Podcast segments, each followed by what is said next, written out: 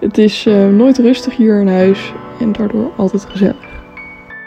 Maar dat maakt het eigenlijk ook wel leuk, zo'n druk huis. En het voelt ook echt als thuiskomen, zeg maar. Ik ben uh, Lini Dortmans en ik werk uh, bij Julius als uh, systeemtherapeut en verpleegkundige specialist.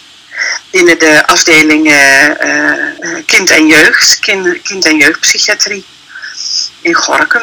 Ik werk al meer dan 32 jaar bij Julius. Mm. En in, in de psychiatrie werk ik denk ik al 37 jaar, 38 jaar. Onze thuissituaties. Hi, ik ben Merel. Ik woon samen met mijn stiefvader, mijn moeder en mijn halfbroertje in een rijtjeshuis. We hebben ook nog een hond Saar rondlopen. Die uh, maakt er wel een beetje een soortje van thuis, dus daar zijn we druk mee bezig. We hebben Joop, onze kat. Die hebben we hier ook nog rondlopen. Dus het is een uh, lekkere drukke bende. Voornamelijk als uh, we gaan avondeten en als de vaatwasser daarna wordt ingeruimd, staan de beesten er uh, bovenop. Die worden er heel erg hongerig van. Het is uh, nooit rustig hier in huis en daardoor altijd gezellig. Wat maakt een thuissituatie lastiger? Wat ik ook vaker zie zijn samengestelde gezinnen. Dus uh, dat een van de ouders uh, kinderen heeft uit een vorige relatie, waardoor het gezin eigenlijk opnieuw een evenwicht moet zoeken, ouders een evenwicht moeten zoeken in, in, de, in de nieuwe gezinssituatie. Dus iedereen moet weer intunen op elkaar of afstemmen op elkaar met een andere voorgeschiedenis. En dat gaat ook niet altijd even makkelijk. Um, en in gezinnen zie ik ook, ja, wat ik al zeg, een belasting, maar ook trauma's. En dat kunnen verschillende trauma's zijn. Dat kunnen oorlogstrauma's zijn, trauma's van seksueel misbruik, uh, huiselijk geweld. Uh, uh, vaak ook op jongere leeftijd, wat ook een grote impact heeft op het gezinslid dan wel het hele gezin.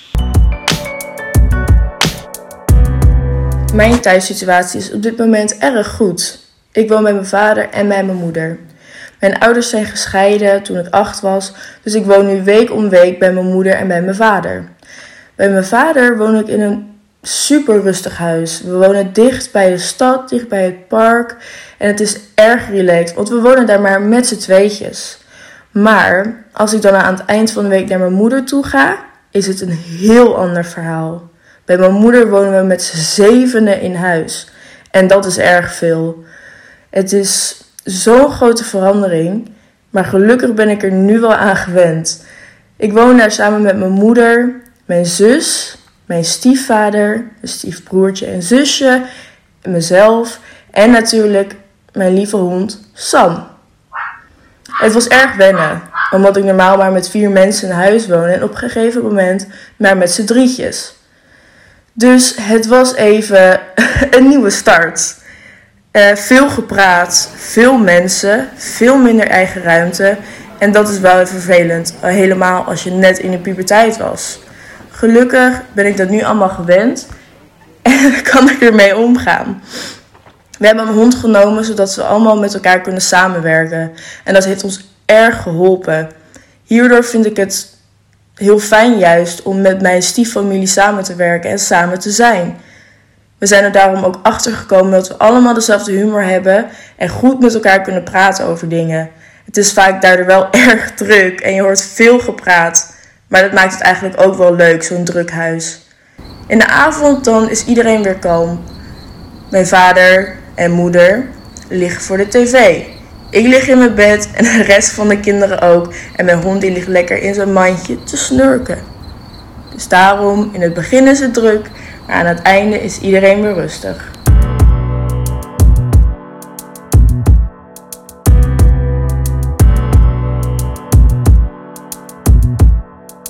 Welke factoren spelen mee in een goede en misschien wel minder goede thuissituatie?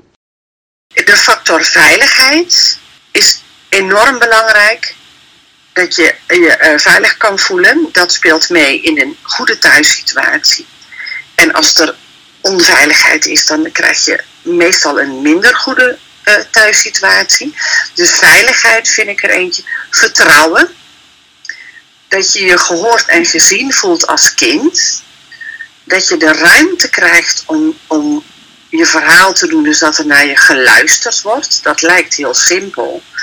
Maar ik denk dat dat uh, gewoon erg lastig is, ook voor ouders, want die willen gewoon vaak ook wel het beste voor hun kind en zijn ook geneigd het dan in te vullen.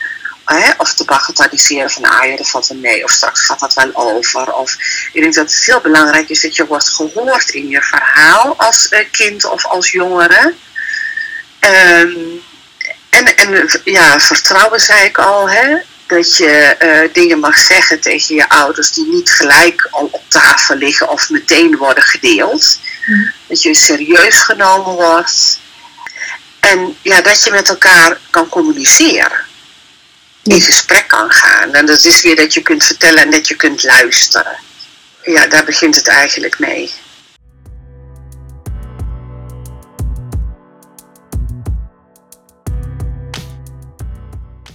Ja, mijn thuissituatie. Ik woon samen met mijn zusje van 13 en mijn getrouwde ouders in een reishuis in Gorkum. Als ik thuis kom, is er bijna altijd wel iemand thuis. Of er staat iemand in de keuken, of er hangt nog iemand op de bank. Dus dat is altijd wel gezellig dat als je thuis komt, dat er iemand thuis is. Ja, en dat koken, dat uh, doen we eigenlijk altijd samen. In de avond vooral, dan zijn we met z'n allen thuis. En dan doet iedereen zijn ding. Dan uh, sta je op die vierkante meter, dat de keuken is, elkaar de hele tijd in de weg. Dus best grappig. Of vervelend. Maar dat is maar net hoe je het ziet. Het avondeten gaat daarna ook altijd heel leuk. Iedereen zit dan aan tafel en vertelt over zijn dag. Dan vertelt de ander weer over zijn dag. Dus ja, dat is wel iets waardoor de sfeer in het huis zo goed is. Want iedereen weet wat die dag jij hebt meegemaakt. Dat is heel gezellig om over te kunnen praten. Het is een open plek voor mij, thuis zijn. En het voelt ook echt als thuiskomen, zeg maar. Daarom zou ik dan ook zeggen dat mijn thuissituatie erg goed is. Want ik word geaccepteerd zoals ik ben en het gezin wordt geaccepteerd zoals we zijn. Ja, dat is lekker. Dan kan je allemaal gewoon rustig bij elkaar zijn. Dus ja, echt minpunten zou ik ook niet zo snel kunnen opnoemen. Want ja, een discussie met je zusje hier en daar. Ja, kunnen we dat minpunten noemen? Dat weet ik niet. Mijn ogen is mijn thuissituatie dus goed.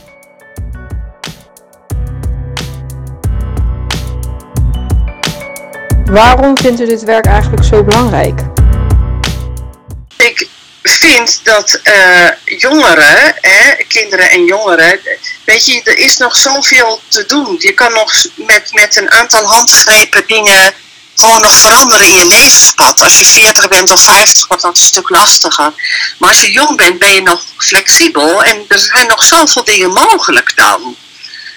Um, dus dan denk ik, ja, dan moet je er gewoon snel bij zijn. Want dan kan je gewoon nog, ja, met handgrepen, uh, handgrepen voor de jongeren waarmee die zichzelf kan bijsturen. En ja, niemand zijn leven verloopt vlekkeloos. Maar dan kan je dingen wel gaan herkennen en denken van... hé, hey, weet je, hulpvraag is niet zo rampzalig. De volgende keer doe ik het wat sneller.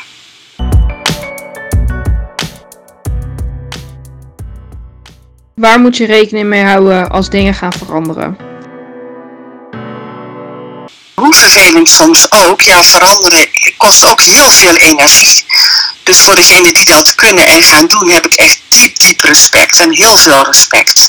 Want hoe vervelend soms ook, hè, mensen zijn ook gewoontedieren, dus ja, dan is het maar lastig, maar ja, beter iets bekends doen dan iets nieuws. Dus degene die het aanpakken om een andere weg in te slaan of meerdere wegen te gaan uitzoeken, ja, ik denk dat is echt fantastisch en dat getuigt van heel veel kracht en moed en uh, inzet.